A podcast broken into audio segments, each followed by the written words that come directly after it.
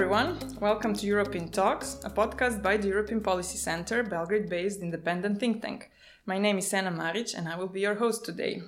In today's episode, we will speak about the Dutch approach to the accession of the Western Balkans in the European Union. We will also address the European Commission's proposal for a revised enlargement methodology and what it's like to make and maintain friendships when you're a diplomat.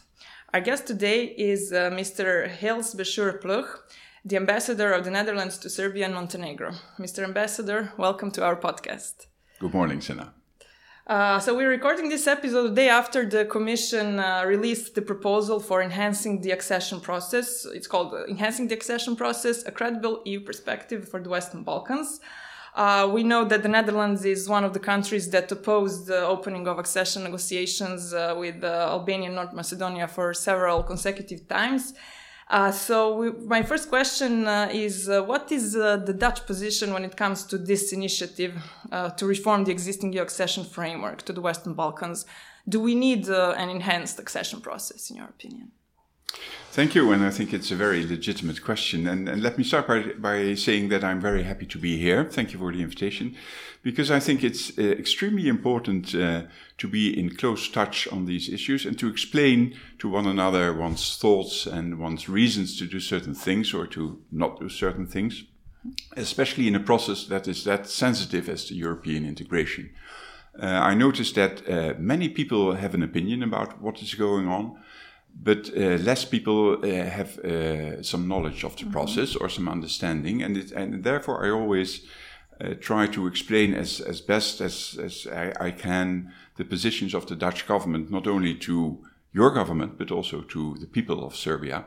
And uh, on the other side, I try to explain your position to my government in mm-hmm. the Netherlands, as does your embassy in The Hague, by the way. So we are working together on that issue. Mm-hmm. Now, regarding your question, yes, indeed, um, we have quite an outspoken stance on the integration uh, of, of the Western Balkan into the European Union, which translate in Serbia, I think, uh, into being perceived as quite strict and fair, mm-hmm. critical. To, uh, I, I, agree with that. We are strict and fair. I would like to add that we are committed as well. Committed mm-hmm. in the sense that we definitely think that Serbia, Montenegro, and the other Western Balkans have a place in the European Union, um, but they should adhere to the criteria that have been put in place.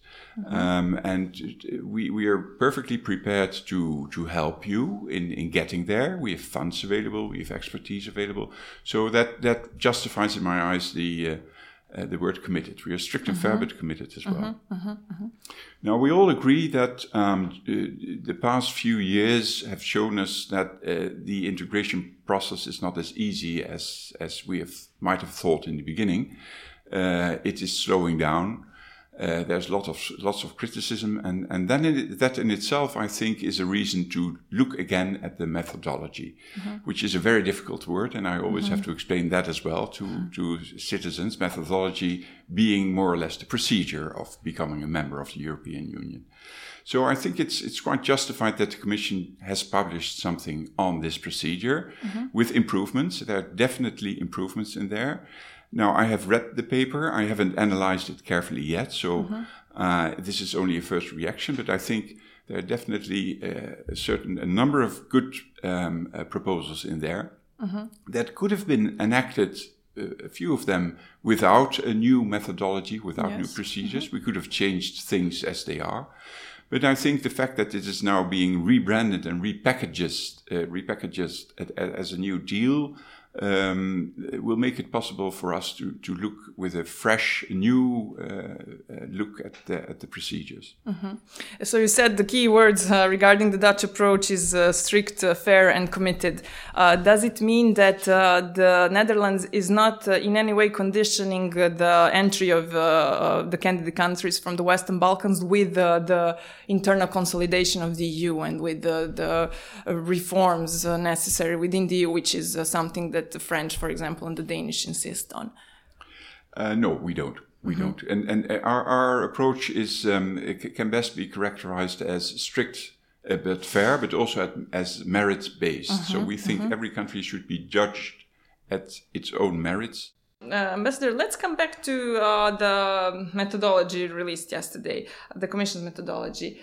Uh, the new proposal calls uh, for the member states to, quote, inform their citizens and provide them with the facts about the strategic opportunities and challenges of the process, uh, meaning that the member states are, in, are, invited to speak more to their public about EU enlargement to the Western Balkans.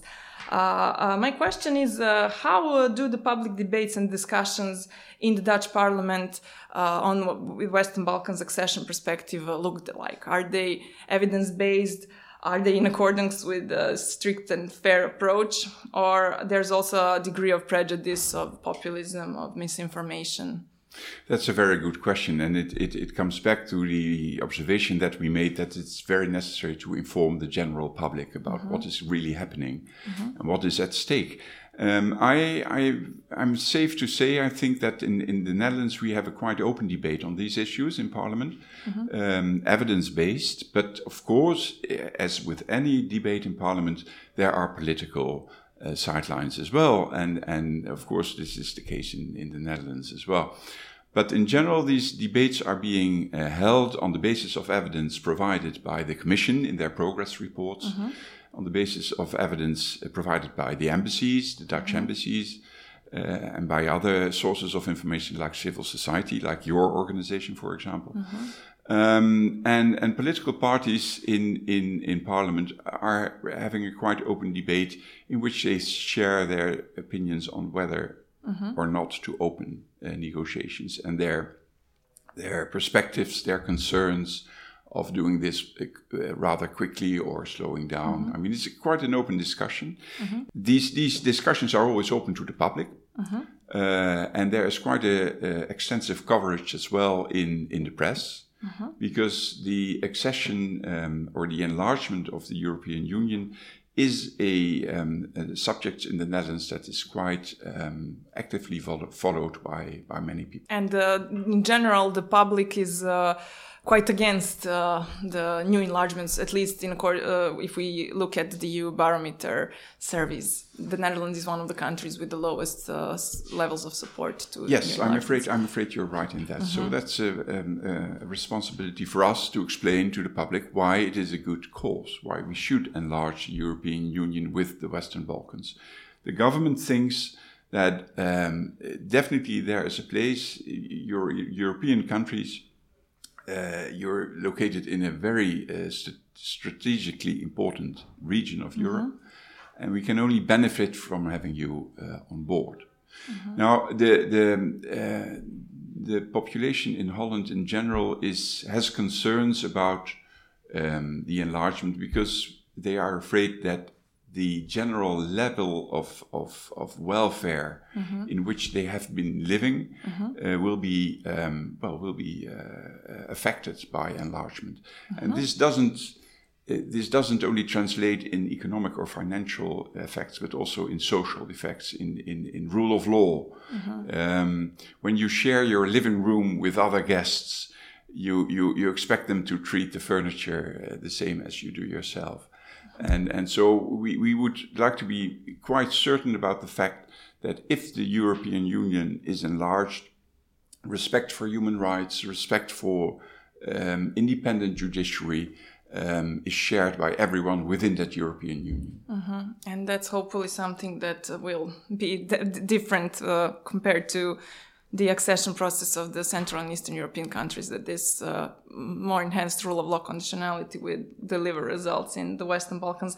Uh, but uh, so just coming back and asking hypothetical question, this means that uh, if, for example, our political leadership of the countries in the region wakes up and starts delivering on the necessary reforms uh, in the upcoming period and the process goes uh, merit based as it's supposed to be uh, there it will be not that difficult to convince the Dutch politicians and the Dutch public that um, the Western Balkans are on the right track and that the EU accession is uh, the right decision, political decision. What comes to my mind is this referendum or call for referendum when there was a signature of um, a free, uh, free, and sorry free trade agreement with uh, Ukraine a few years ago uh, when the Dutch public mobilized. Uh, I'm afraid we're just, I'm just afraid uh, how would the public react and is just informing uh, uh, by the political leadership of the member states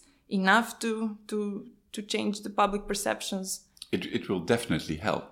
But you're right, we have got a quite critical public in the Netherlands. Mm-hmm. And uh, I should mention here that, uh, unlike most countries, we do have uh, the, the, public, there is a parliamentary debate on every step in the enlargement mm-hmm. process, which is not the case in, in, in, in, all countries. So that gives the, the parliament and, and the public in, uh, uh, a means of judging the individual uh, steps in the enlargement process. Mm-hmm. Uh, in, in, other words, there is a close control by the public on, on this, and they have a voice in every step that's being taken.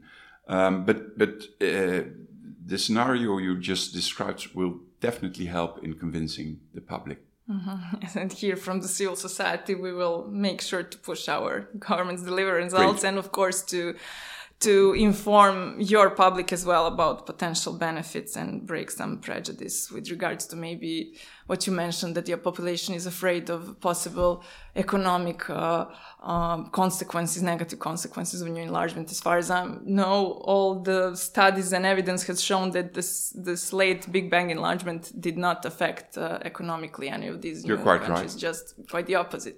The new methodology presented by the Commission also calls for greater involvement of the Western Balkan countries uh, and interactions with the EU counterparts. Uh, and we from the civil society uh, at the moment advocate for the involvement of the Western Balkans governments and citizens into the announced conference on the future of Europe. Uh, the European Parliament issued a resolution which also supports this idea. Uh, for now, we don't know what will be the European Commission's uh, um, stance on this. Uh, what is the Dutch position or uh, your personal position in this respect?